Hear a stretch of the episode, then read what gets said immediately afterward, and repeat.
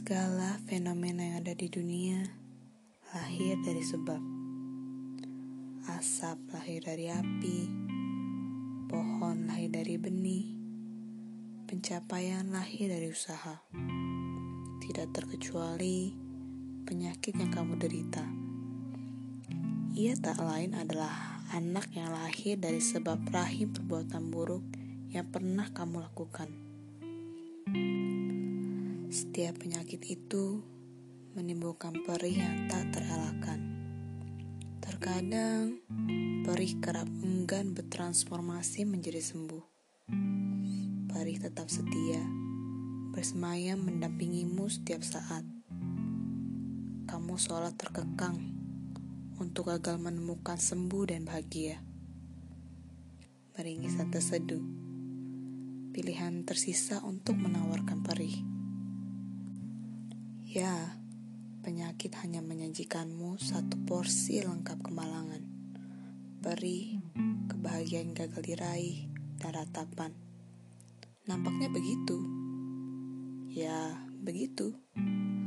Tentu begitu jika kamu melihatnya dengan kacamata biasa.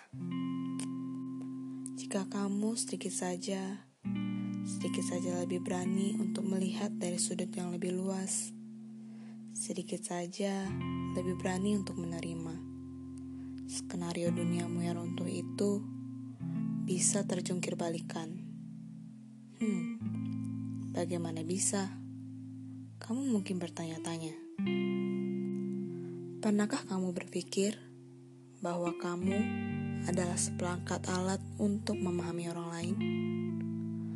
Kamu adalah satu makhluk di alam semesta ini setiap bagian dari dirimu yang ada, tak ada yang terlewatkan sedikit pun juga dimiliki oleh semua makhluk tanpa terkecuali di alam semesta ini. Kamu paham dan bereaksi pada orang lain atas dasar dirimu sendiri. Saat kamu melihat pengemis kelaparan, kamu akan merasa iba bukan?